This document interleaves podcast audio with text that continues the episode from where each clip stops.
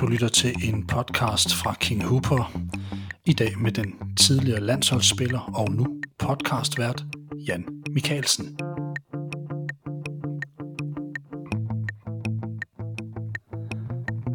Jan Mikkelsen var en af de elegante AB-spillere, der i starten af årtusindskiftet huserede på det danske landshold. Undervejs i karrieren mødte manden, der også fik tre år i storklubben Panathinaikos, både hold og andre stjerner, der fascinerede ham, men intet kunne alligevel måle sig med trøjerne. Det visuelle udtryk for en klub er trøjen, og Jan Mikkelsen har med sin nye podcast bag om trøjen skabt sin egen vinkel på en sport og historik, der nærmest virker utømmelig for gode fortællinger.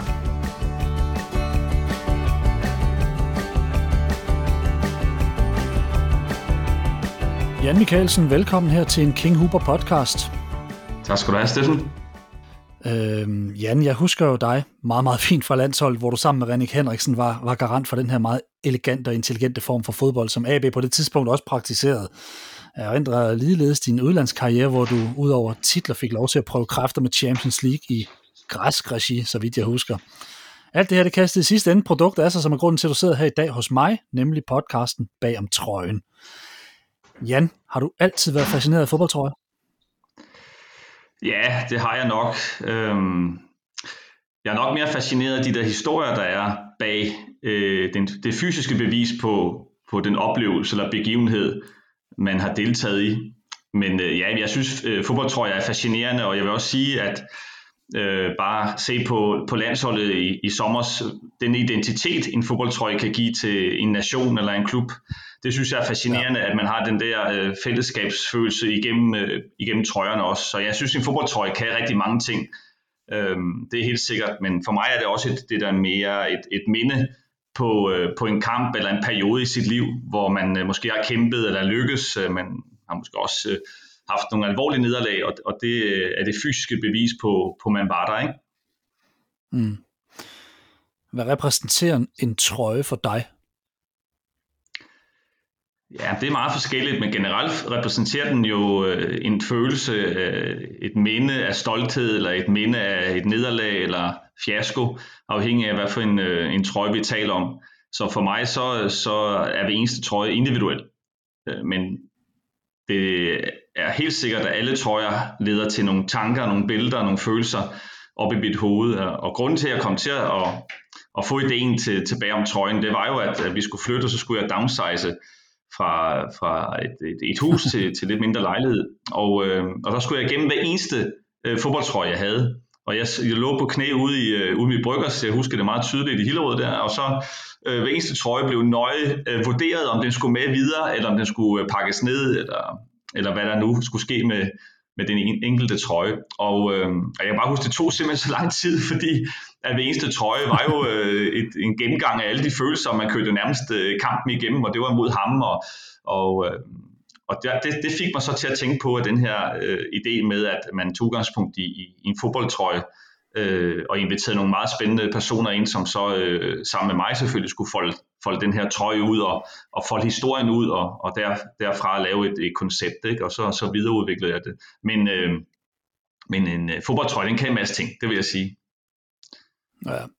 Har du noget indtryk af, om øh, andre er lige så bitte af dig, fordi nu har jeg siddet med Jens Jørgen Bertelsen, så vidt jeg husker, så, så synes jeg også, at han taler om nogle trøjer, han har gemt, og jeg synes også, at jeg sådan har set det gennem årene. Er det sådan en generel ting for fodboldspillere, når man gemmer, at, at det er sådan lidt tæt på karrieren og nogle, nogle ting, man har dernede, eller, eller er der andre, der er fuldstændig bedøvende ligeglade med de her? Ja, altså jeg, jeg synes, de fleste de, de går op i det, men det er selvfølgelig også, der er også nogen, der, som, hvor det ikke betyder så meget. Men, øh, men de fleste, som er med bag om trøjen, øh, er jo glade for deres trøjer og, og rigtig glade for de anekdoter, som, som trøjerne hele tiden minder en om. Ikke? Så, så jeg vil sige, at de fleste går jo op i det, men, men der er selvfølgelig også grader af, hvor, hvor voldsomt man har prøvet at forsere sådan et, et trøjebytte. Øhm, nogle af de gæster, nogle af de gæster, jeg får ind den her kommende sæson, øh, nu vil jeg helst ikke nævne for mange navne, for det skal helst være en overraskelse. Nej, men, nej. Men, øh, ja. men den, har, den har været ude. For eksempel har vi Daniel Lager og, øh, og Lars øh, Jakobsen, som vi, vi optager på, på fredag. Og Daniel har jo givet øh, alle sine trøjer væk i charity, og det vil sige, det, det er også noget, som øh, øh, jeg i hvert fald øh, også øh, er, har overvejet mange gange. Det er jo selvfølgelig, jeg gjorde det faktisk i forbindelse med min, min far døde, og døde af kraft desværre. Og der, øh, der lavede jeg en, sådan en, en, en kamp, hvor overskuddet fra, fra kampen og et trøjesalg af, at faktisk Pelés trøje. Min far havde Pelés trøje, den brasilianske, og, øh, og den, den var jeg da også glad for, men, men det gik til et meget, meget bedre formål. Den gik jo til, til kraftens bekæmpelse. Så på den måde øh, kan jeg sagtens forstå Daniel, at han, øh, han har faktisk givet alle sine trøjer væk, så vi har faktisk været i gang med at søge øh, efter hans trøjer, som, øh, som vi skal bruge på fredag. men øh, det var sådan et ekstra arbejde, han gav os, øh, vi starker der, men, øh, men øh, det gør vi gerne for at få ham med. Så, så det er lidt forskelligt, øh, ja. men de fleste øh, er jo glade for deres trøjer, altså helt, helt sindssygt, og også fordi det, det er jo en unik øh, gave, man har fra, fra en unik oplevelse. Ikke? Ja. Har du forseret trøjebytte? Ja, altså, det taler vi også om i, i podcasten tredje halvleg. Altså, da vi mødte Real Madrid på hjemmebane, der var jeg lidt, øh, øh, blev jeg lidt opmærksom på det. Altså, nu tager de lidt fis på mig i podcasten, de andre, som om jeg ikke dækkede op og ikke, ikke havde fokus på kampen, fordi jeg skulle have fat i en trøje. Så gal, så gal var det nu ikke. Men, men øh, da kampen sådan nærmer sig... Øh, afslutning, øh, der mangler en to-tre minutter, så, så prøver jeg at positionere mig sådan, at, øh, at jeg har mulighed for at være i nærheden af en Real Madrid-spiller i hvert fald, som, øh, som jeg i hvert fald kunne, måske kunne spørge, om, om man skulle bytte. Og så endte det med, at jeg stod ved siden af Steve McManaman. Det, det tror jeg er den eneste gang, hvor jeg ligesom, mens kampen stadigvæk kørte, har været lidt bevidst om det, fordi de ville nemlig ikke bytte, da vi spillede på Santiago Bernabeu i den første kamp øh, mod Real Madrid. Der ville de ikke bytte. Øh, jeg, tror, jeg spillede faktisk over for Zidane og Roberto Carlos. Nej, de, altså det, men jeg oplevede det også, fordi øh, Ebbe Sand fortalte faktisk i tredje halvleg også, at, at Brasilien ikke vil bytte i 98. Eller altså, de sagde i hvert fald nej til ham, fordi jeg tror, jeg tror senere, at Martin Jørgensen fik de, faktisk har fået en, en trøje, og som Martin siger, ja, de vil ikke bytte med Ebbe. fordi øh, Martin måske mente, at, øh, at han havde lidt mere pondus hos brasilianerne. Det, øh, det er jo meget sjovt sagt. Men, men øh, det er den eneste gang, jeg vil sige, at jeg har forceret det på den måde, men, men jeg, øh, altså selv de gange, jeg har været reserve i, øh, på landskampene, det var jo alligevel øh, desværre en del, der, der, der spurgte jeg nogle gange alligevel og gik over for at få en trøje, fordi ja, jeg var da pisse ærgerlig over, at jeg ikke spillede, men jeg synes stadigvæk, at trøjen var et minde fra, fra en oplevelse, og, øh, og, og tit var det jo, jeg kan huske England, da vi mødte England til VM, der, øh, der fik jeg Sheringhams trøje, altså han spillede heller ikke, så, så jeg synes ikke, okay, Sheringham har heller ikke spillet. Han spiller trods alt for United og Tottenham og sådan noget. Ikke? Altså, så kan jeg jo måske godt leve med, at jeg heller ikke spillet, vel? Og så fik man, øh, så fik man den trøjer. Men, men ellers så, så vil jeg sige, at Real Madrid-kampen er sådan, står lidt for mig som den der eneste kamp, hvor jeg måske lige mistede lidt fokus til sidst, fordi øh, jeg skulle lige have en trøje trods alt for de der to møder. Ikke? Altså jeg vidste jo ikke lige, det stod ikke lige i kortene, jeg, møde, jeg skulle møde Real Madrid næste uge igen, vel? Så, Nej, så derfor så vil jeg sige, det, det, det er nok den sjoveste historie med det der, hvor man, hvor man har været lidt opmærksom på, at jeg lige skulle huske at få en trøje med. Ikke? Ja. Men hvor mange trøjer har du, Jan? Altså, er du også ude over det her med match-worn jerseys, altså de her brugte, rigtige trøjer? Så har du også købt trøjer? Nej, Nej, det har jeg ikke, men, men øh, jeg har jo igen, hvis jeg skal tale om min, min, min kære far, så min far var jo også trøje aficionados, altså i den grad, og min far var jo også øh, helt vild med Italien, og øh, en af de ting, vi, vi fandt, øh, da, da vi skulle rydde op øh, efter hans bo der, så, øh, så fandt vi faktisk fire hele sæt Uh, altså man kunne stille nærmest et, et 11-mandshold øh, med Milans trøjer, Udineses trøjer, Fiorentinas og Inters. Ej. Og det var fordi, jo jo, det var fordi, nu skal jeg forklare dig det, fordi at, at min far, han øh, var jo også scout for Udinese, og, og, øhm, og kende mange af de spillere. Han har jo solgt Thomas Helve og været med til at sælge, eller i hvert fald anbefale Gorte og Biskov og, og Martin Jørgensen og de der. Og han havde et godt forhold til, til, til de drenge der, ikke? Og, og var også tit nede og besøge Udinese. Og så hver gang han, øh, han var dernede, så sagde han, øh, du ved, enkeltvis til dem alle sammen, du ved, jeg, jeg har altså ikke nogen indertrøje, kan du ikke lige tage, kan du ikke lige tage en indertrøje med mig? Og han havde jo masser af indertrøjer, så, så det endte jo med, at han havde 4, 5, 6, 7 spillere i Serie A, der hver, hver uge var ude og, og, og få nogle trøjer med hjem til ham. Så det endte jo med, at han havde jo ja, fire fulde øh, spillesæt øh, øh, med de der fire klubber, ikke? Og de, dem har jeg stadigvæk, så jeg har, mange, jeg har rigtig mange af hans trøjer, og min bror har mange af hans trøjer. Men jeg vil sige, jeg, jeg samler kun selv, eller kan man sige, min egen trøjesamling, det er kun med mine egne trøjer, som, som jeg har spillet i eller byttet mig til. De andre, de tæller ikke rigtigt. Det må jeg sige. Ikke, ikke i min verden. Altså, så, har du dem fremme, Jan, eller ligger de et sted, hvor du sådan ligesom skal gå til, eller hvad? Nej, de ligger ikke fremme. De er, hvad hedder det, de er oppe på, øh, på vores øh, loft der i en, øh, en, en fin kasse, så, så der ikke kommer ja, for meget støv og sådan noget ned i dem. Så ja, jeg ved godt, hvad det er og sådan noget. Jeg har, ikke, jeg har altså ikke helt fremme, øh, fremme hver uge, jo, men nu kan man sige, nu, nu hvor programmet kører, så har jeg faktisk øh, taget dem med ind i studiet, og så pynter vi studiet hver gang vi har optagelse, så der lige som kommer den rigtige vibe. Og, øh, og så tager vi også trøjer på, øh, når vi optager. Så, så det er sådan en gimmick, altså, eller sådan, vi laver lidt, lidt, vi laver lidt fis med det, og har lidt, øh, lidt selvironi, synes jeg, med det, i forhold til, at, at vi tager lidt pis på os selv med, med alle de der skide trøjer, som, som vi selvfølgelig snakker rigtig meget om, og, og som fylder rigtig meget. Ikke? Nu ja.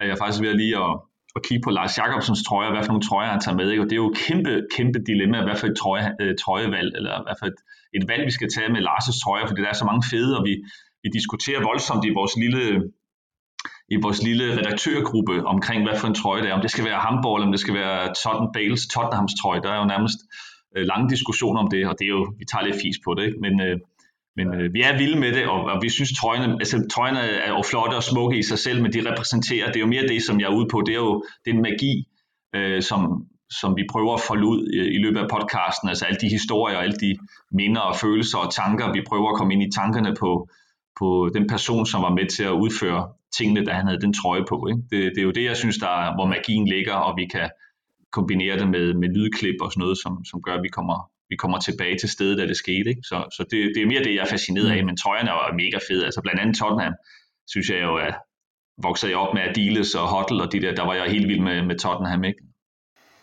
Har du en favorit, Jan, i din samling? Mm.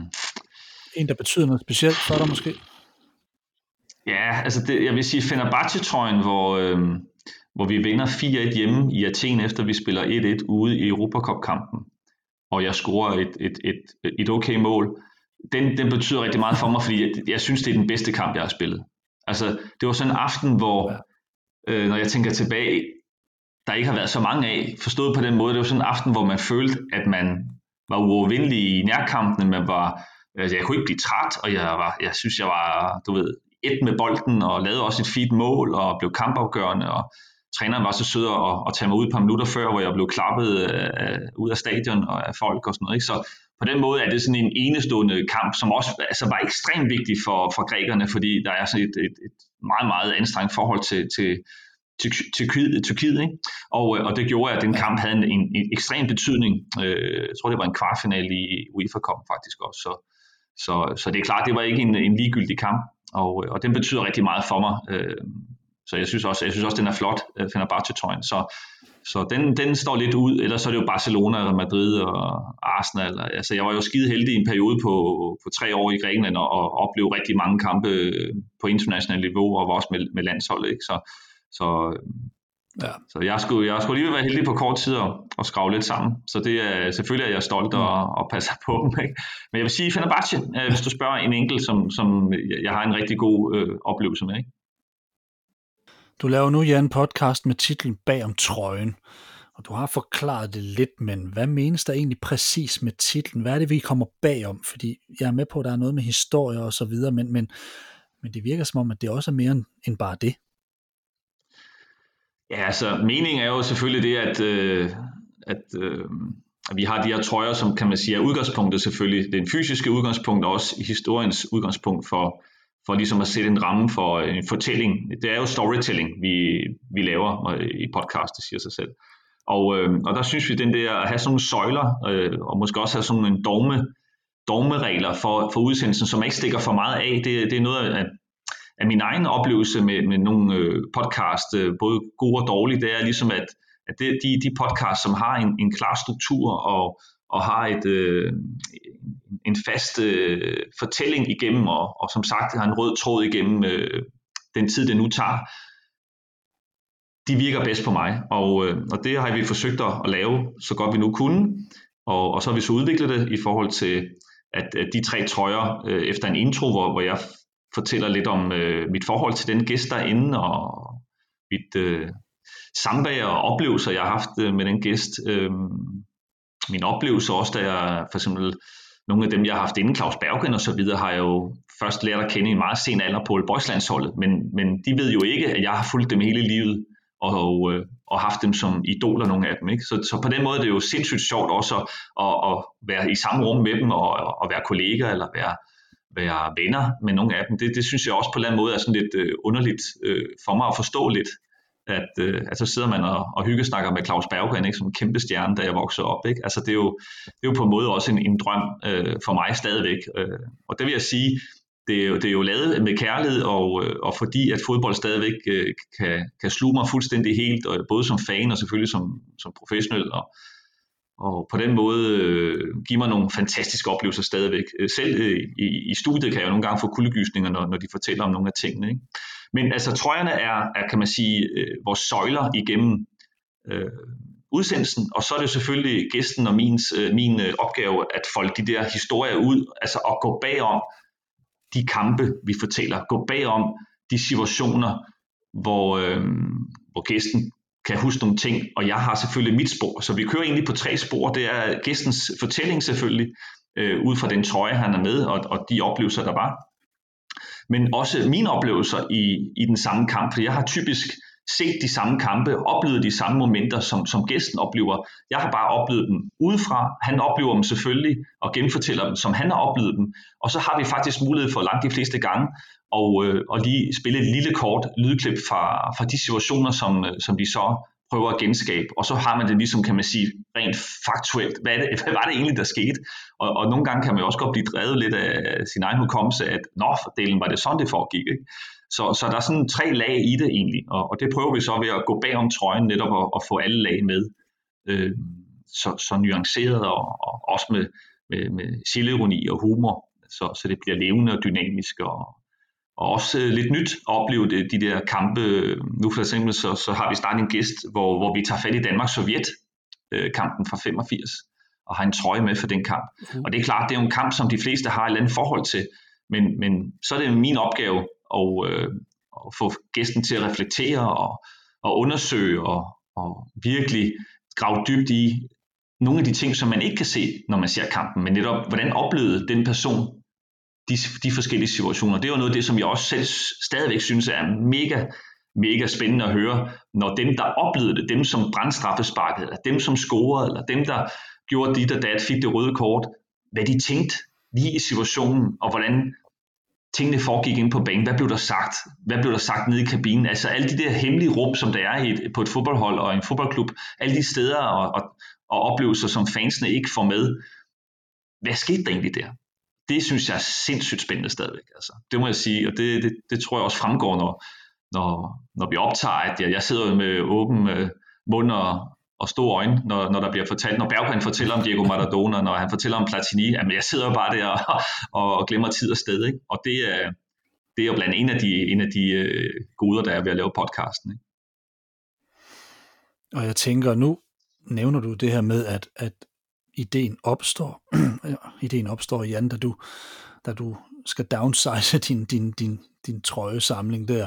Men, men der er alligevel lidt vej fra at lige få en idé til at lave en podcast, og så til at gøre det. Altså, hvornår, hvornår opstår ideen? Altså, hvor lang tid bruger du egentlig på at, at finde ud af, at det her det er faktisk virkelig noget, du gerne vil, og få sat det hele op? Åh, det er, det er virkelig langt, fordi man kan sige, øh, og, og, øh, og det har egentlig været noget, jeg har tænkt på et stykke tid, fordi da jeg får ideen, det er jo, det er jo over to år siden jo. Så kommer corona også, og, øh, og gør, at det bliver svært at mødes med folk jo. Øh, så kan man sige, det er et virkelig langt forløb, så jeg måske ikke lige skal trække øh, dig og lytterne med hele vejen igennem, for så bliver det sgu lidt, lidt nok det kedeligt, men, men jeg, jeg har virkelig været igennem mange øh, forskellige forhindringer for at være der, hvor vi er i dag. Øh, kan man sige, den store... Øh, den store ting, som, som gjorde, at vi kunne komme videre, det var, at jeg kom i, i forbindelse med, med en, fyr, der hedder Jonas, og en fyr, der hedder Anders, som, øh, som synes, det var et fantastisk projekt. Jeg havde hørt nogle af de demoer, vi har lavet øh, inden corona, og, øh, og i mellemtiden kan man sige, så som, øh, som Mediano og Troels Bæk, de, altså Bæk han har også lavet noget, der hedder Bæk bag bolden, og der var jeg simpelthen så ked, lidt ærgerlig over, han, at han, at det, det har han selvfølgelig ikke, det kan, det kan han jo ikke vide, men, men, men han kaldte det så Bæk bag bolden, det er også et meget fint, øh, fint øh, navn, når man tænker på, at han leger lidt med sit ord.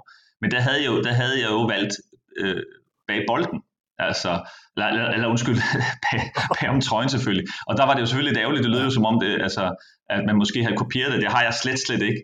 Øhm, og det ved folk, som, som selvfølgelig har været med i processen. Men, men du ved, de to år var egentlig, det, det frustrerede mig også lidt, fordi jeg, jeg havde jo det hele klar. Men så corona gjorde jo, at, øh, og jeg ville, jeg ville så øh, gøre det primært fysisk, fordi jeg synes det der med, at trøjerne er i det samme lokale og sådan noget, det var en stor del af, af, af viben og mindsetet bag det, og man kunne mærke og, og, og, at føle de, øh, de trøjer. Så, så det, jeg tænkte egentlig ikke på at gøre det via telefon. Det gjorde jeg faktisk ikke, øh, eller Zoom, som nogen gjorde.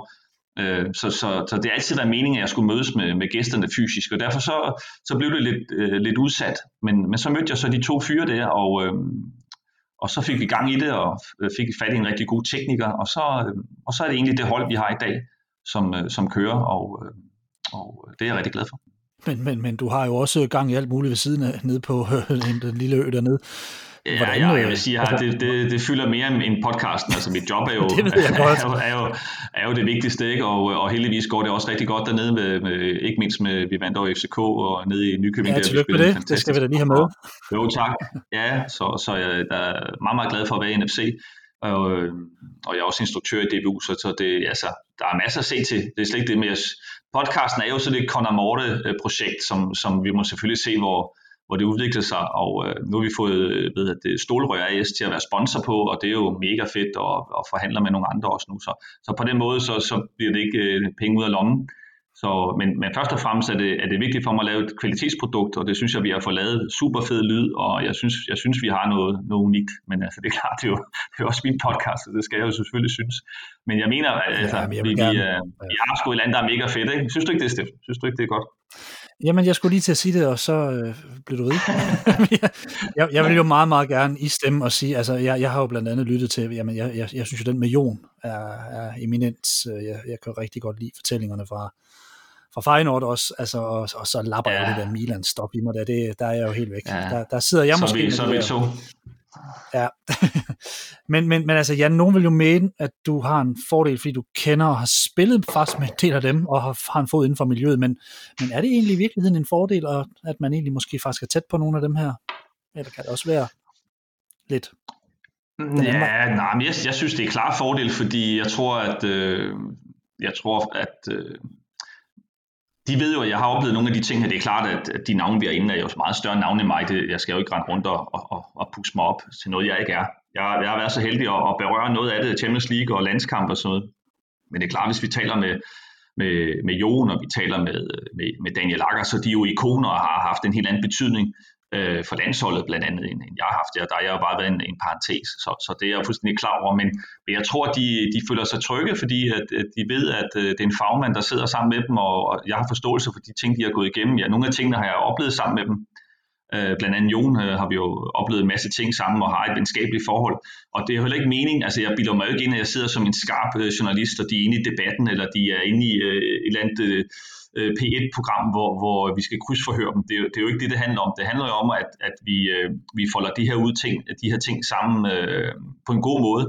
Og, øh, og selvfølgelig er der, er der også lidt, lidt, lidt kritisk på nogle ting, hvor jeg spørger ind til noget, hvordan det, hvordan det kunne lade sig gøre, og hvordan det kunne lade sig gøre. Øh, eller hvorfor de, ikke lykkes med det og det. Men, men jeg gør det jo selvfølgelig altid med respekt og så videre, fordi det, det er da klart, at, at øh, programmet har en anden øh, øh, målsætning med det. Det er jo ikke at få øh, en skandale til at rulle. Øh, og det var egentlig også en af grundene til, at jeg, jeg faktisk øh, kom til at tænke på podcasten som et godt medie for at, at lave det her. Øh, fordi jeg synes nogle gange, når man tager øh, aviserne og forsiderne osv., det er selvfølgelig også noget af det, der sælger. Det, det er jeg nok ikke blind for. Men det er tit øh, lidt den negative historie, den negative vinkel og noget kritik osv., og det, og det synes jeg, der var rigeligt af. Så jeg tænkte, at, at nu, nu handler det om nogle andre ting. Nu handler det om at anerkende øh, de her præstationer, og anerkende de her mennesker, som, som jeg synes på, på mange måder er også nogle, nogle, nogle jeg ser op til. Og, øh, og nogle fantastiske øh, resultater og oplevelser, de har givet folk. Så, så for mig er det faktisk sådan et, øh, et anerkendelses øh, tema, der er i det også, at man får nogle mennesker ind, som man øh, respekterer dybt og, og som man anerkender. Så, så, så det er faktisk også en del af podcastens mindset, øh, uden at det selvfølgelig bliver for, for, for, for slibrigt, fordi jeg vil også sige, at jeg prøver jo også at tage lidt pis på, på mig selv, men også øh, prøver at tage lidt pis på dem derinde, i forhold til øh, nogle af de ting, de har lavet, og, og prøve at finde nogle klip og, og nogle historier bag trøjerne, som, som også, øh, kan man sige, får dem lidt på glat is. Det, det synes jeg, vi har haft nogle gode grin øh, på i studiet, fordi mange af de her, hvis du tager Jon for eksempel, så er han jo også øh, med på, at der var ting i Milan, som var svære, det siger han jo også selv, at, øh, at det var bare hård, hårdt konkurrence, og han gik ind til Ancelotti med, nogle gange gik han ind med statistik, fordi han var træt af at sidde på bænken, så gik han faktisk ind med en statistik og lige forklare Ancelotti, at altså, har, du, har du set, hvor meget jeg har scoret? Det synes jeg faktisk er en genial øh, øh, detalje. At, øh, så det har jeg aldrig hørt om, at andre har gjort. At gå ind til træneren med, med statistik på ens øh, målscoring Nej, eller assist, hvad det var. Ikke? Ja, ja, især hvis man så har lidt at have det, ikke? Men det er jo sådan nogle ting, jo. som jeg siger, det vidste jeg ikke engang om Jon, at han øh, kunne finde på det, ikke? Så, så øhm, ja, det er jo noget af det, som jeg synes er mega sjovt og, og nørdet og spændende, men, men øh, det skal være, det skal være en, en god oplevelse for, for alle, også, øh, også dem, der er inde, men også selvfølgelig for lytterne. Så det er ikke meningen, at det er et konfliktskabende program.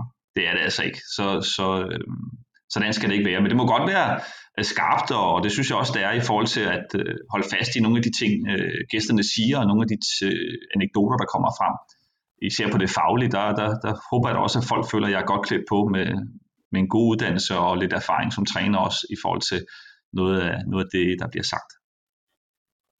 Ja, for det du vel egentlig ikke er ude i, det er, at man skal jo ikke sidde og have den her omklædningsrumsnak, vel, den her løse, lidt joviale, og når, når du siger skarpt, altså hvad, hvad, hvad gør du for at gøre det skarpt, Jan?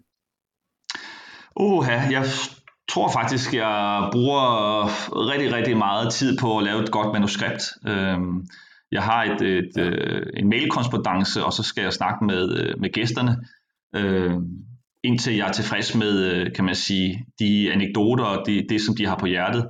Og så går jeg hjem, og så laver jeg et, øh, et manuskript, øh, simpelthen laver et manuskript på hele podcasten og forløbet, hvor med spørgsmål og med vinkler, og så finder jeg klip på, på forskellige medier, sociale medier, hvor, hvor vi finder klip fra kampene, og, og øh, alt det bliver jo så mixet ind i, i podcasten, så jeg er fuldstændig klædt på, til, til gæsten kommer ind. Ikke? Så, øh, mm. så jeg bruger jeg, bruger, jeg er selvfølgelig blevet øh, mere og mere effektiv, som tiden går, men altså jeg, jeg bruger rigtig meget tid på at gøre tingene skarpt, fordi jeg, jeg synes ikke, det, det må blive forløst, fordi så, øh, så bliver det også for langt. Og det er også en af de ting, jeg har øh, som en, en kæphest, det er, at det skal være omkring 45 minutter. Altså øh, det, skal, det skal være helt exceptionelt, hvis, hvis vi skal gå op til, til, til mere end det. Så, så det er også været sådan en kæphest sammen med de der øh, trøjer, som, som de søjler, der er i, i programmets struktur det er, at det, det skal ikke blive for langt. Jeg synes, øh, nogle podcast har en tendens til at blive øh, lidt udvandet og for lange og for, for uskarpe, men det, det kan være, det er bare mig, der har en, øh, en forkert holdning eller en anden holdning,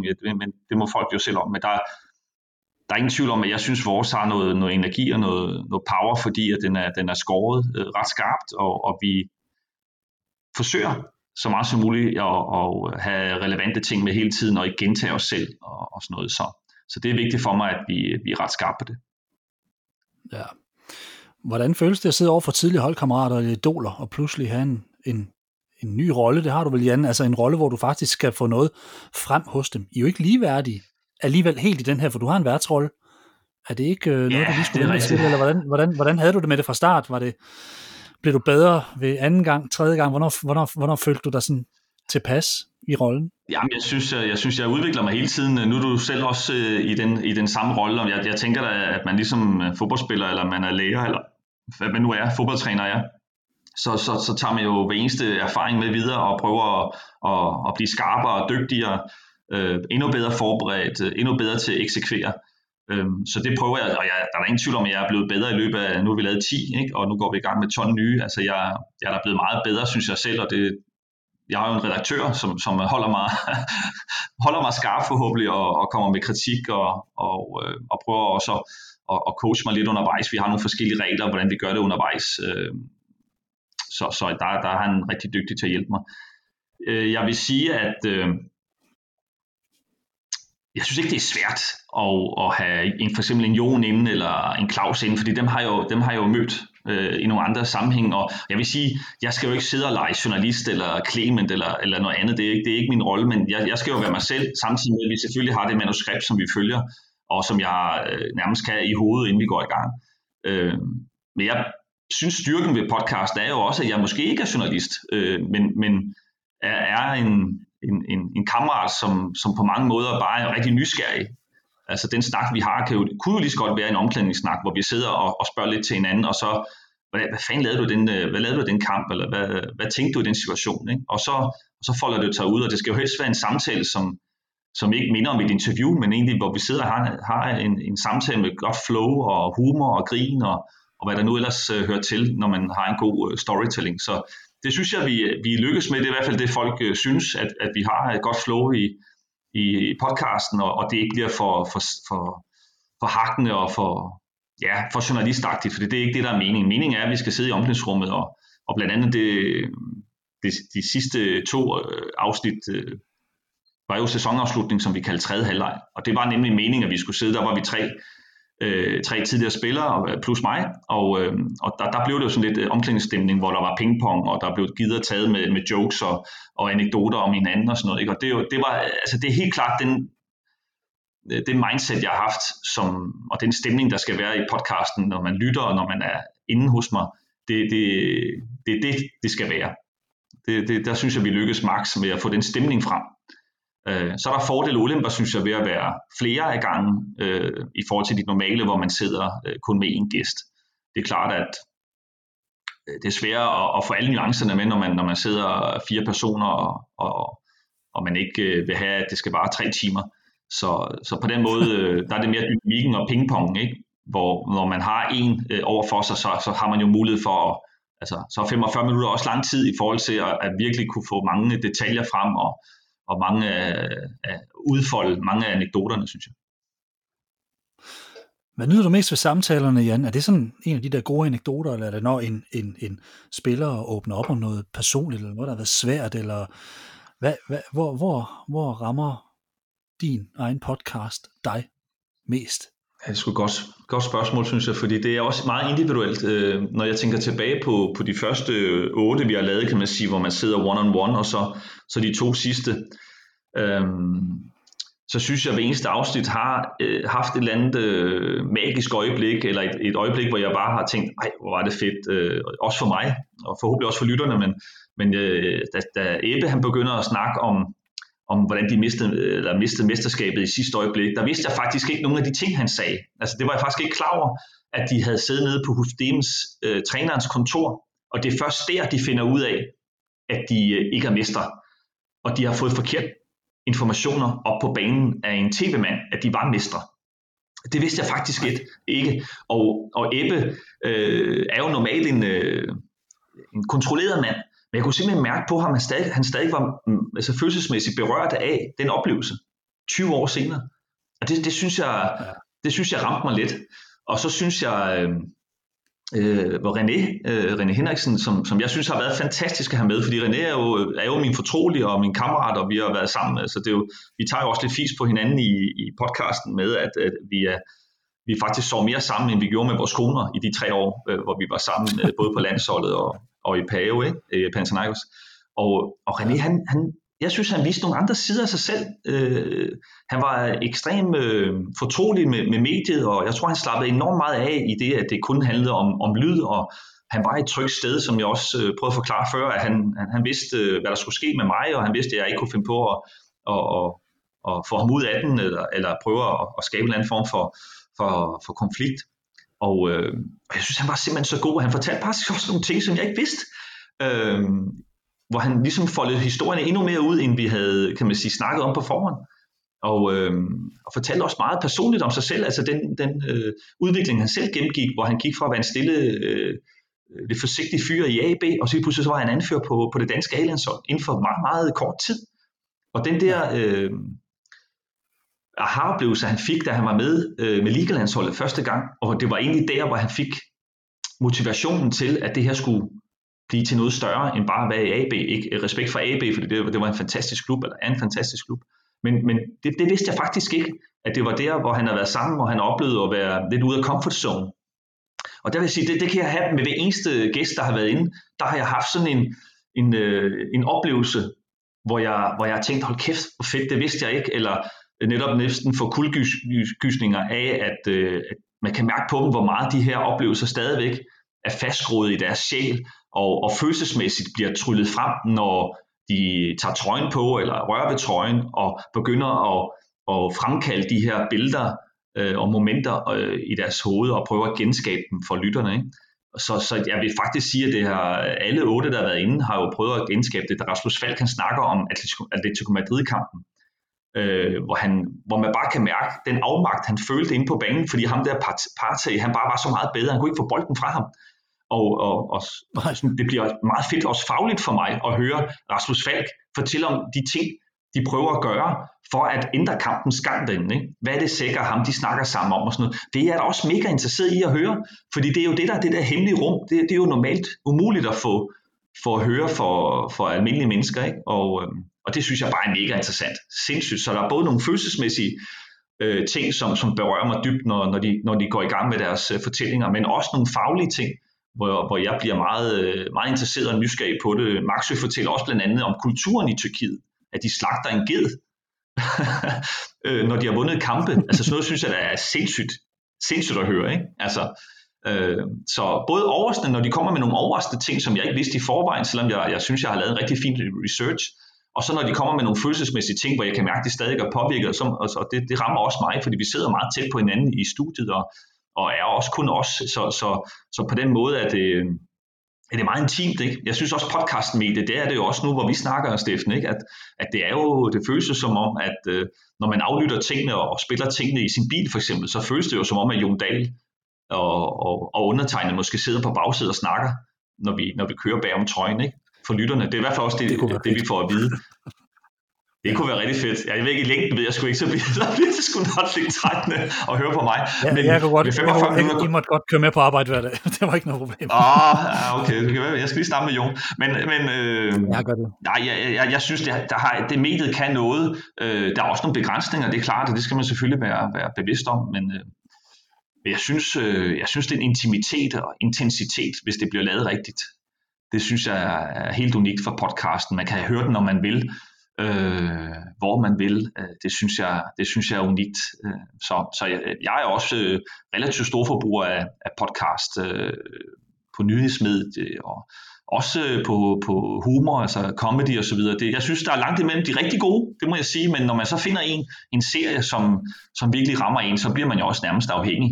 Det, det må jeg sige. Altså, der er jo nogen, hvor, nogle podcast, hvor jeg går og venter og venter på, at kommer den ikke snart, det nye, øh, det nye afsnit. Det øh, har jeg da også øh, fået mails og så videre om, at folk har med bag om trøjen, og det kan jeg da kun blive glad og stolt over. Ja, så er der den her ting med, med podcast. Nu ved jeg godt, at det er dit besøg, vi lige skal have med her, men jeg kan ikke lade være med lige at sparke den her ind.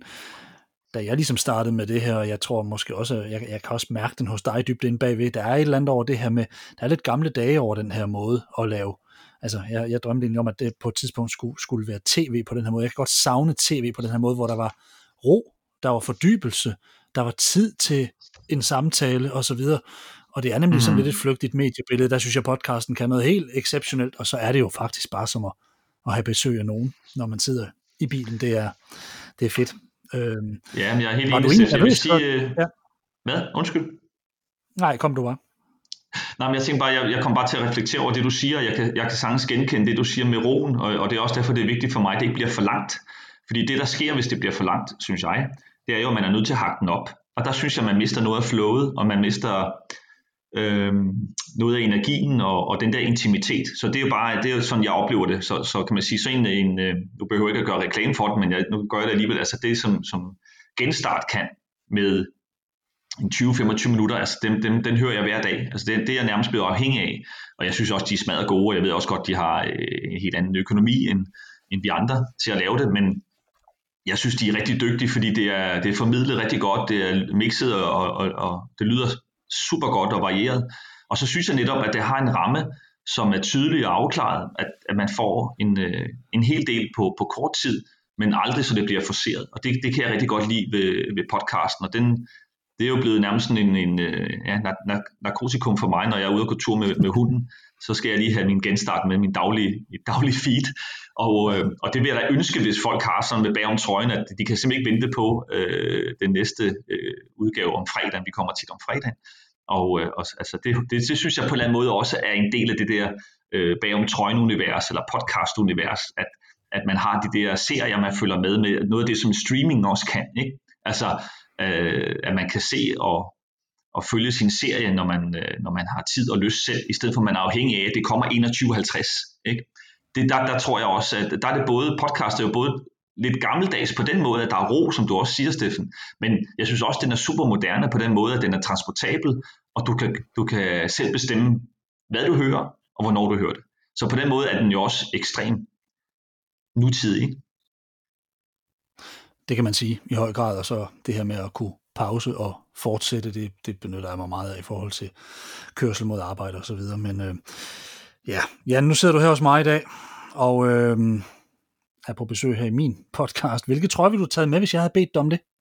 Du snakker om en Fenerbahce, men hvilke andre trøjer havde du faktisk sådan øh, lagt op på disken og, og, og, og fortalt om, hvis det var, at jeg... Ja, jeg synes, det kommer lidt an på, Steffen, hvad du vil have, hvad er det for nogle historier, du vil have, fordi øh, hvis jeg skulle selv skulle deltage bag om trøjen, så, øh, så havde jeg nok taget Fenerbahce-trøjen med, så tror jeg, jeg havde taget en øh, islandstrøje med, hvor jeg scorede mit eneste landskampsmål. Øh, det blev til gengæld fejret rigtig voldsomt. og så, øh, hvad vil den sidste trøje være? Den vil, det, det vil nok være en AB-trøje, tror jeg.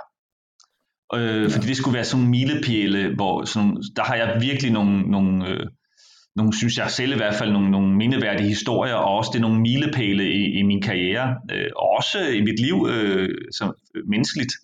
Fordi øh, det, der skete i AB, er egentlig det, jeg er mest stolt af. Det var, at jeg kom derud med, med hatten i hånden. De havde tegnet 11 kontrakter med alle mulige andre spillere, og var rykket op i Superligaen, jeg kommer ud, og jeg rykker ned med HK i anden division, og, øh, og spiller for mit liv. Altså, hvis ja. jeg ikke havde lykkes derude, og de ikke synes, jeg, jeg kunne noget, så var jeg måske stoppet med at spille. Så jeg vil sige, de 14 dage, hvor jeg fik derude til at bevise, hvad jeg kunne, og jeg faktisk havde en lille lyskenskade, da jeg kom derud. Det er nok noget af det, jeg tænker tilbage på med mest stolthed og, øh, og glad for den karakterstyrke, jeg, vis, jeg viste derude. René han var ikke så glad for mig der, fordi han sagde, jeg sagde at alle var pisse bange for at blive sparket ned af mig, fordi de vidste jo godt, at jeg kom jo med alt, hvad den, øh, hvad den kunne give. Ikke?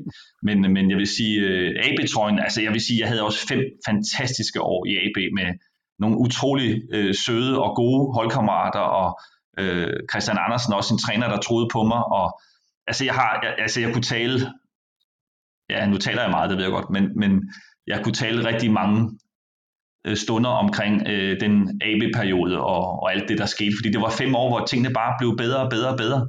Altså det var en stor succesoplevelse, lige undtagen til sidst, hvor, hvor vi så fik problemer økonomisk i klubben, men også øh, var nødt til at sælge for mange gode spillere. Så gik det selvfølgelig den anden vej, men man kan sige, så blev jeg også solgt for, for at, øh, at få penge i kassen, ikke? og så, så var jeg så i gang med et nyt eventyr, som, som jeg også vil kunne tænke mig at fortælle om, og det, det skulle Fenerbahce trøjen selvfølgelig også repræsentere, ikke? Øh, min tid i Panathinaikos.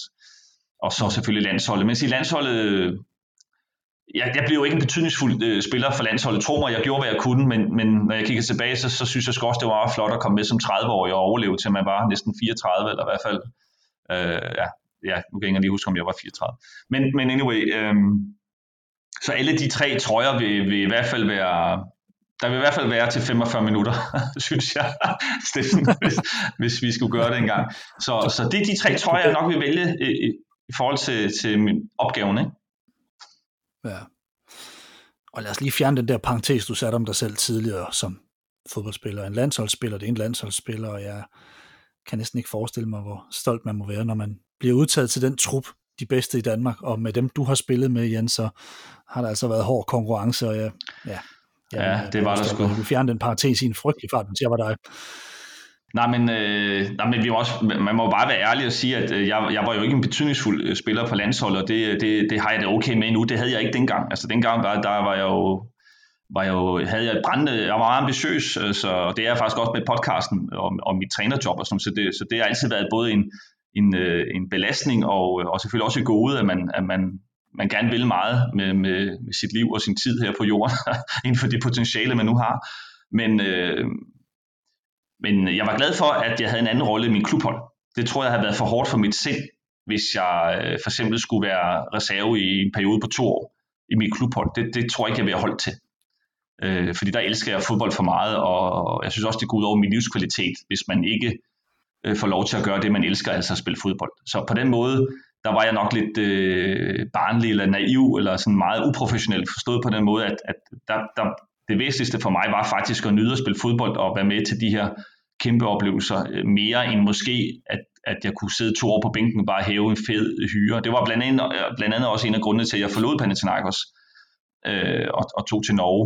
Jeg vidste så ikke, at jeg skulle være fem år i Norge, men, men det var en af grundene til, at jeg tog afsted. Det var for, fordi, at, at øh, at jeg havde øh, dårlig fornemmelse med, med, med træneren det sidste år i, i Grækenland. Jeg spillede og, og holdt mig fast på holdet, men jeg kunne godt mærke, at jeg var ved at blive 34, og det kunne jeg godt mærke, at de, de gerne ville have spillet nogle yngre ind. Det kan jeg egentlig godt forstå som, som træner, men, men, men der var jeg bare ikke som spiller. Altså jeg skulle satme ikke give min plads væk. Og det kunne jeg godt mærke, at det rent, sådan, rent strategisk ville blive svært for mig at, at holde min plads, hvis jeg blev. Ikke? Og der kunne jeg bare mærke, at der betød det bare mere at være en betydningsfuld øh, spiller måske på det lavere niveau øh, bevares, men stadigvæk øh, øh, på Superliga-niveau, altså Tippeligaen. Ikke? Øh, så, så det er så et valg, jeg tog, at, at fodbold betyder så frygtelig meget for mig at spille og leve det, at jeg vil simpelthen ikke kunne holde ud at være reserve. Og det måtte jeg acceptere på, på landsholdet. Jeg vil også sige, at landsholdet, det var fandme også nogle gode spillere. Altså det må jeg sige, Grønkær og, ja. og Rommedal og Martin og Peter Lundkrans og Kenneth Perez, øh, eller Perez og, og hvem var ellers med nogle gange som kantspiller, ikke? Altså det var dem, man kæmpede med, og, og, og heldigvis var jeg der med i truppen. Der var nogle gange, der var de ikke engang med i truppen, så på den måde, så bare det at være med i truppen dengang var jo, var jo fantastisk. Lidt det samme som det er i dag. Altså sige, vi har jo fået et landshold igen i dag nu, som, hvor man siger, hold da kæft, er der ikke plads til ham? Altså der er ikke plads til Max Sø, der er ikke plads til Rasmus Falk, hold da kæft. Altså, det er gode spillere der er med, ikke? Altså, vi har et godt landshold, vi ligger nummer, ved ikke, i top 10 i verden, det er jo, det er jo helt unikt vi er 5 millioner, altså det er Hamburgs størrelse, altså det, er jo, det er jo sindssygt, det arbejde, der bliver lavet. Så, øh, så det skal man også huske nogle gange, når man er i det. Det er bare skide svært, Steffen, når man er, sidder på bænken og så brændende gerne vil spille, at man ikke sidder og, og skummer lidt. Og det skal, man, det skal man også acceptere. Det er en del af at være professionel også. Det er bare pisse svært. ja. Nu har du øh, nu har det jo den her podcast kørende, og nogle gange så får du nogen i studiet, hvor historiens vingesus, de sådan, det basker nærmest om ørerne på en, og man får helt gåsehud, når en Claus Berggren øh, du går op og fortæller om Maradona, Platini, men vel også øh, om, om, om de her øh, landsholdsdage. Jeg kan jo mærke, da jeg sad med Jens Jørgen Berlsen eller Svend Gers, at, at der er et eller andet specielt over den her tid, hvor jeg var dreng, og hvor jeg oplevede det her. Man, man, kan, man, kan, man kan blive sådan starstruck af historien nærmest. Øhm, har du prøvet at være sådan en starstruck spiller, du er gået på banen med? Altså jeg ved, at du er i Panathinaikos spiller med nærmest de græske europamestre, så vidt jeg husker det. Men, men har du ellers sådan på landsholdet, eller, eller i nogle af de der klubber, fået den der følelse af, at øh, puh, jeg skal lige, jeg skal lige steppe op her, eller jeg skal lige synke en ekstra gang, inden jeg går ind her? Ja, det er faktisk et pisse godt spørgsmål, fordi det, det er der faktisk. Jeg vil sige, Grækenland, de var jo, de var jo første europamester, efter jeg spillede sammen med dem i tre år, så, så på den måde ja. så var de ikke mere end mig. så var de ikke mere end mig. Men jeg vil sige, Peter Schmeichel, og jeg vil også sige lidt med, med første gang, jeg, jeg, jeg kom med i landsholdstruppen og blev udtaget, og Morten og Michael stod der, ikke? der, der, der vil jeg også sige, der, jeg kan ikke lige huske den eksakte tanke, jeg havde, da, da jeg mødte Morten, men altså, der var jeg mega respekt, og da han ringede og fortalte mig, at jeg var udtaget og sådan noget, altså, øh, det, det, det er et øjeblik, man, man husker. Jeg husker, han ringede også Morten til, nu er han jo blevet en, at vinde, det er måske for meget sagt, men han er jo blevet en, en, en, øh, en mand, jeg, jeg ringer til, kan ringe til, og han skal også med i podcasten, og øh, har sagt ja til det. Øhm, det er jo en mand, jeg kan ringe og diskutere fodbold med, og, og som er utrolig øh, varm og har behandlet mig utrolig godt, var også øh, måske en af grundene til, at, at jeg blev ansat i DBU som landstræner, var jo, at, at Morten øh, sagde god for mig. Ikke? Så, så, øh, så jeg har kun godt at sige om Morten, men der var enorm respekt, og hvis sige Michael, øh, altså Jamen altså, hvad fanden kan man sige om Michael? Altså han er jo øh, en gudsbenået fodboldspiller, og, og nu blandt andet så jeg den der Danmark-Sovjetunion øh, anden halvleg, ikke? Altså det er jo Michael mod Sovjetunionen på et tidspunkt, ikke? Fordi Premilka, han, han er altså ikke med i kampen. han spiller ikke særlig godt, anden halvleg i hvert fald. Uh, han laver selvfølgelig nogle rigtig fine ting i første, ikke? Men, uh, men uh, jeg vil sige Michael og de to mere men den, den tredje spiller, jeg vil sige, fordi han var, han var så holdkammerat, det var Peter Schmeichel. Jeg vil sige, der var jeg sgu lidt starstruck fordi, øh, som jeg også udtalte dengang, jeg kan huske det nu, så, så havde han flere pokaler, end jeg havde bestik derhjemme i min lejlighed. Ikke? Så, så på den måde, så, øh, så, var, øh, så var han meget, meget mere, end, end jeg var, og måske også, øh, øh, ja, øh, ikke måske, men end jeg kunne blive. Så at træne sammen med Peter, og jeg husker Peters sidste, sidste træning, det var helt fantastisk. Det var mod Slovakiet, hvor han havde annonceret, at det var hans sidste landskamp. Og der havde vi sådan en formel skudøvelse til sidst, og der var også en masse presse og så videre. Og Peter, han var så fed at træne med, forstået på en måde, fordi han ville så gerne vinde, når vi spillede til mål, eller han ville gerne vinde alle øvelser, han var med i, og det stimulerede mig, sådan har jeg også altid haft det. Og, øh, og jeg husker den der øh, skudøvelse, og øh, jeg ramte den pisse godt et par gange, sådan du ved, en, en, en lodret vrist, du ved, lige hvor den skulle rammes på bolden med den rigtige fart og så videre, og han fyldte jo fandme hele målet, ikke Peter?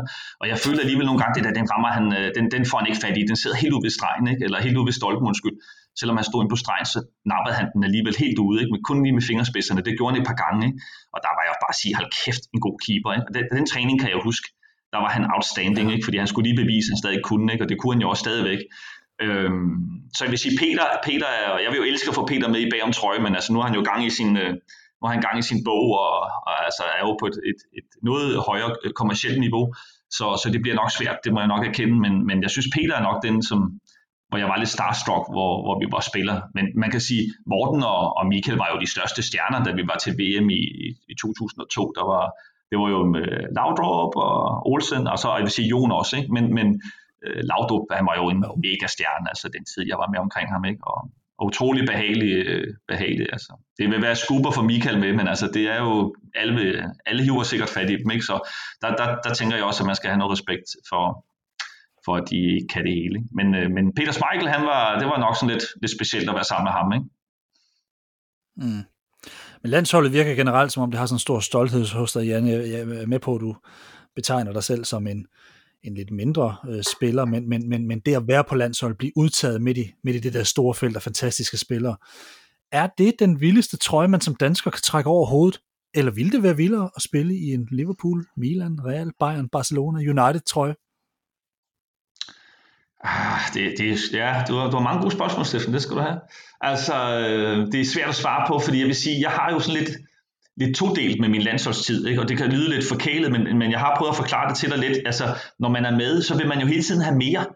Altså, som, så, når man er i AB, så kæmper man for at blive udtaget. Så bliver man udtaget til ligelandsholdet, Så bliver man udtaget til det rigtige landshold. Når man så er med et par gange, så er man jo selvfølgelig glad for at blive udtaget, men så vil man jo have mere spilletid. Så vil man starte inden. Så vil man have en, en fuld kamp. Så vil man have to kampe i streg. Og sådan, det, sådan tænkte jeg i hvert fald. Og, og det vil jeg sige, det, det, jeg fik 17, nej undskyld, jeg fik 19 kampe, og, men mange af dem, øh, jeg tror jeg har fået 4-5 stykker som, fra start af. Øhm, så på den måde er det også en, en uforløst tid, men jeg er, der, øh, jeg er blevet bedre til at kigge tilbage på min landsholdstid med, med lidt mildere øjne, forstået på en måde at blive mere glad og stolt over, at man trods alt var med og kom med øh, på et tidspunkt, hvor mange andre øh, er opgivet, altså som 30-årige nærmest. Ikke? Så, så på den måde, øh, der må jeg slå mig til tåls med det. Jeg vil sige, hvis man, nu var jeg fast mand i Panathinaikos, øh, spillede sammen med Europamester og sådan noget, det er jeg også lige så stolt af. Det er jeg, og jeg spillede øh, kvartfinale i UEFA Cup og kvartfinale i Champions League mod Bar- eller Barcelona og Porto mod Deco og de senere vinder af UEFA Cup'en. Og, så, så det er jeg mega stolt af, så jeg vil sige, det kommer lidt an på, hvad rolle man har på sit, på sit hold, fordi at være en betydningsfuld, altså være Christian Poulsen, og Ebbe Sand, René Henriksen, altså det er jo klart, de har jo en anden følelse for landsholdet, en, en helt anden tryghed og sikkerhed i forhold til, at, når de bliver udtaget, så vidste de, at de skulle spille osv. Den, den havde jeg jo ikke, når jeg var med. Så, så, og det, den, den, den følelse havde jeg jo med Panathinaikos, øh, når jeg var med, eller AB. Så der vidste jeg jo, at jeg var en betydningsfuld spiller, og det var vigtigt, at jeg spillede godt, for at vi skulle lykkes. Så, så det er sådan to forskellige måder at, at nyde at spille i trøjen. Ikke? Øh, men selvfølgelig er jeg stolt over den danske landsholdstrøje, og specielt som du nævner, de, de, de konkurrenter, der var på det hold der, det var jo, øh, det var jo sindssygt gode spillere, der var på bænken. Det var Bøgelund, Christian Poulsen, øh, Niklas Jensen, Peter Løvenkrantz øh, til VM, ikke? altså Brian Sten. Altså, det var, de spillede jo Champions League, mange af dem også, ikke? Altså, det som jeg gjorde, så ej, ej, der er ikke noget at skamme over på den måde, men, men der er bare, man er jo drevet af ambitioner, og det er jo stadigvæk på mange måder, så, så man, man må aldrig blive tilfreds, men, men nogle gange må man også acceptere, at, at, at det er en udfordring, som er svær at knække 100%. Ikke? Så, så det er et godt spørgsmål. Det er sgu svært at svare på 100%, synes jeg. Lad os så lige løfte den endnu højere op, så det bliver endnu sværere at svare på det her. Fordi hvis vi nu lige kigger sådan helt ind i mig selv. Nej, nu må du sgu lige, ja, nu stopper. Du lige styre os Nej, men, øh, ja, du udleverer mig. Så, så, så, så, tænker jeg, findes der for dig, Jan, en ultimativ trøje eller en ultimativ fodboldfortælling?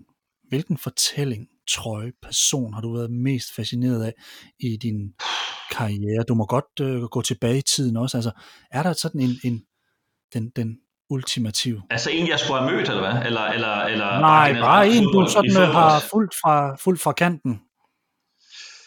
Ja, altså... Øh, hvis man kunne have fået Diego Maradonas øh, argentinske trøje fra VM-finalen i 1986, øh, jeg ved ikke, hvem, øh, hvem der slapper afsted med den, om, øh, når jeg ser på billederne, så ser det ud som Nej. om, han beholder sin trøje på øh, i lang tid, fordi han selvfølgelig skal op og hente ja, ja, pokalen og bliver båret rundt.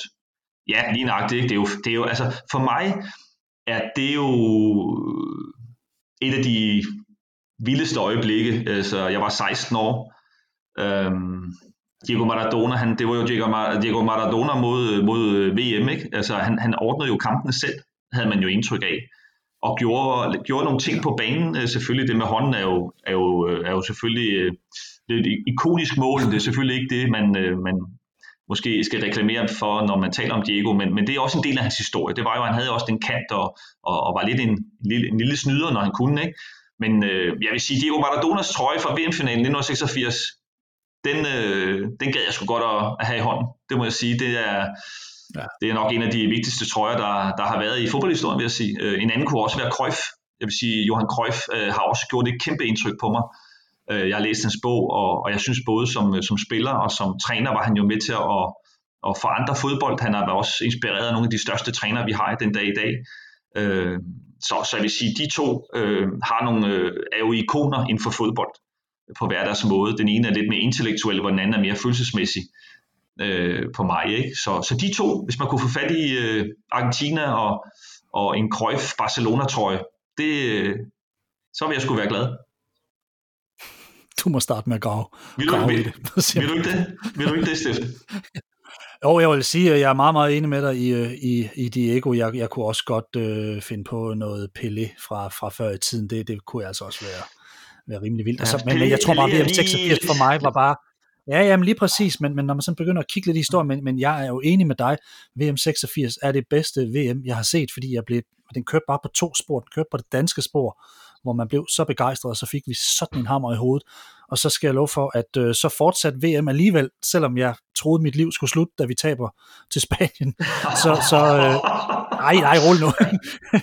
men, men, men altså, så det fortsatte det jo alligevel, for der var både, jeg, jeg synes både tyskerne var spændende at se, jeg synes franskmændene, brasilianerne, den der kvartfinale med straffesparkskonkurrencen, Frankrig, jeg tror, det, jeg tror, det er en kvartfinale mellem Frankrig og Brasilien. Øhm, Ja, men det, det, det, det, det var magisk. Der er mange gode kampe. Og, så, ja, og selvfølgelig den der, den der dramatiske finale der, hvor tyskerne kommer tilbage. Det er bare nok min, min start, selvom EM84 nok var det, altså Wembley og, og, og, og EM84 var sådan starten for mig, og så, så kom det her 86, og ligesom at lagde lagene på, at okay, nu var vi der. Det var ikke bare for sjov, vi, vi var der virkelig.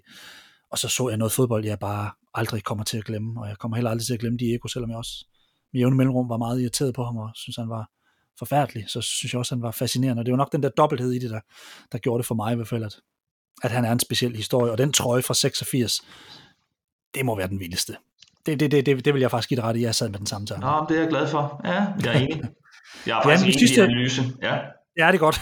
Ja. Jan, mit sidste spørgsmål til dig, det er noget så simpelt som, hvad vil du gerne opnå med din podcast? Hvad er det, vi skal tage med os, os der lytter til den? Og jeg kan kun reklamere for den kommende sæson. Du har breaket lidt, hvem der kommer, og det, det er altså værd at vente på, og jeg synes også, du laver en fremragende podcast. Hvad vil, du, gerne have, at, hvad vil du gerne have, vi får, vi får med os, os der lytter? Jamen, hvis I kunne få nogle af de følelser, som jeg har prøvet at beskrive i dag, jeg håber, jeg, jeg har prøvet at gøre det så godt jeg kunne, men, men det er jo følelser, så det er også noget, nogle gange øh, noget, man skal opleve selv og ikke, øh, og ikke høre på. Men, men jeg vil sige, øh, hvis de kan få de oplevelser og, og komme tilbage i tiden øh, og, og nærmest få oplevelsen af at og have Jon og mig på bagsædet af bilen, og så opleve, at man er i Milans omklædningsrum, når Jon han fortæller om det, eller være på banen, når man hører Sedorf, han scorer til 3-2, og hører de italienske kommentatorer skrige Sedorf, ja. Sedorf, Sedorf, og, og føle, man er der. Så, så det er i hvert fald en del af det, det er jo at, at, at give øh, folk øh, den samme fornemmelse, som, som da tingene skete. Og så er det selvfølgelig også rent fagligt, at folk øh, kan lære noget nyt om fodbold, lære noget nyt om de mennesker, der er inde. Øh, få en god oplevelse. Der er selvfølgelig også lidt underholdning i det, forstået på den måde, at folk skal jo helst glæde sig til det og, og få øh, øh, en god oplevelse, øh, få en god stemning, øh, komme i bedre humør. Øh, hvad, hvad jeg også heldigvis får at vide, at folk de synes, at, at, øh, at de, De kommer i bedre humør, når de øh, har, har oplevet øh, bagom trøjen en episode med det, eller har lært noget. Så det er sådan det primære, jeg vil sige, sådan, øh, hvis, man, hvis man kigger sådan hardcore på, på den enkelte øh, episode. Og så er det vigtigt for mig, at det bliver ved med at være spændende og sjovt, og, og, og vi øh, selvfølgelig holder fast i vores struktur, som jeg så sagde, jeg synes, jeg synes er vigtigt, at man har en struktur, og, og ikke øh, kører til højre og venstre for mange gange i løbet af, så folk ved, hvad, hvad rammen er. Det synes jeg er vigtigt, men, men det er også vigtigt, at vi selvfølgelig udvikler lidt, og det gør vi sådan i en ny sæson, der, der øh, putter vi lidt forskellige ting på, for eksempel lytterspørgsmål, øh, at vi inddrager lytterne, at de får lov til at og, øh, og komme med tre spørgsmål, så udvælger vi det øh, på social media, øh, inden, inden vi optager den. Ikke? Så det der med, at der er noget udvikling, og vi er i proces med det hele tiden, det, det synes jeg også er vigtigt for mig selv. Altså, om jeg har ikke gjort mig nogle tanker omkring øh, det kommercielle i det, eller noget andet. Selvfølgelig øh, er man jo afhængig af, det ved du jo selv, Steffen, altså man er afhængig af, at, at, øh, at der er nogen, der synes, det er godt, og bliver ved med at og, og gerne vil være en del af teamet. Ikke? Altså nu, nu har vi fået øh, Stålrør AS med, og, og det er vi sindssygt glade for, og, og vi håber, at der er flere, der kommer med og synes, det er værd at blive connected med, med, med mit navn og med bagom trøjen. Men, men dybest set så er det vigtigt for mig, at øh, gæsterne har det sjovt, lytterne har det, har det fantastisk, at folk øh, synes, det er værd at lytte på, og, og, øh, og jeg udvikler mig selv og bliver dygtigere og, og bedre til det. Og øh, ja, mere kan man vel ikke øh, forlange, synes jeg. Er det ikke det samme, som du tænker på, når du har haft en snak med mig for eksempel i dag, tænker jeg? Jo, jeg håber meget, at øh, man kommer tættere på de personer, som man vælger at tilbringe sin tid med. Man håber, de har lyst til at give lidt ud af sig selv. Og så ligger der også en enorm stor anerkendelse i det her for mig. Jeg er utrolig vild med det arbejde, du laver, Jan. Jeg er utrolig vild med de oplevelser, som du både har givet mig som landsholdsspiller, men også mange af de andre, som jeg har siddet med. Øh, jeg har jo været meget, meget stor fan af Bjarne Ries, og få lov at sidde med ham var var magisk. Det var fantastisk med at øh, Milan-fan. Få lov til at interviewe Carlo Ancelotti tæt på et kvarter var også meget, meget stort for mig. Og så kan vi gå tilbage til VM 86, hvor jeg får Karl-Heinz Rummenigge, der scorer til 2-2 udligner faktisk mod Diego Maradona. Oh, ja. Altså, og, og, og, og, sidde og tale med ham, altså at få noget af det der, altså det, det er jo sådan lidt, der, der er lidt samlermani i det, ikke? hvor, man, hvor man, man, man prøver at samle noget op fra en måske glemt tid og mindes det igen, finde den der gamle glæde, der er ved det, fordi der er ja. så meget usikkert forud. Det er nogle gange så sikkert og så dejligt at gå tilbage til nogle af de her gamle ting. Og jeg, og jeg glædes ved det. Jeg glædes meget ved det, og jeg mm. vil jo ja, på det varmeste anbefale det i forhold til nogle af de minder, som du er med til at frembringe med din podcast, Jan. Ja. Øh, men der er en vigtig og... ting, jeg godt vil sige, Steffen, her til sidst, fordi det, er, det, nu har vi selvfølgelig talt meget om memory lane, men det er også vigtigt for mig at sige, at vi har jo også nutidige spillere med. Altså det er også vigtigt for mig, at, øh, at nu havde vi jo haft, øh, nu har vi haft Rasmus Falk og, og Maxø med, og der taler vi selvfølgelig også, Øh, for eksempel Maxø var vi jo, var vi jo ude og optage øh, efter de var blevet mestre, for at få den øh, nutidige med og den, den nuværende succes med. Så det er også vigtigt for mig, at der er en balance i det, fordi det for mig at se, at det ikke kun et tilbageskuende, det er det selvfølgelig øh, primært med legenderne, men, men, men det er også vigtigt for mig at, øh, at have nogle nutidige stjerner med, og det kommer der rigtig mange af i sæson 2. Øhm, så det må folk jo øh, følge med i og høre, hvem det er, men vi, vi har faktisk fået sådan øh, half and half øh, Øh, i forhold til spillere, der stadig er aktive, og så spillere, som øh, kan man sige, øh, er legender, og så har vi nogle, nogle, nogle nuværende kæmpe profiler. Ikke? Så, så det er vigtigt for mig at sige, at det ikke kun øh, er tidligere spillere, der er med. Jan Mikkelsen, jeg anbefaler på det varmeste bag om trøjen til de lytter, der skulle lytte med herude nu. Det kan kun, det, det, det kan kun gå for langsomt med at komme ind på den. Første sæson er ude nu, og anden, tak. og, og, og anden sæson er på vej, og i forhold til, hvad ja. du har breaket for mig, der er af navne, så skal man glæde sig. Jeg tror, det bliver fantastisk. Og øh, dermed vil jeg sige tak for din tid, Jan. Det har været en kæmpe fornøjelse. Og jeg ønsker dig alt det bedste med din podcast fremover. Selv tak. Tak for, at jeg måtte være med. Det var så lidt. Husk, du kan finde flere podcasts på kinghuber.dk. For teknikken i dag stod Carsten Pedersen. Mit navn er Steffen Pedersen. Tak fordi du lyttede med.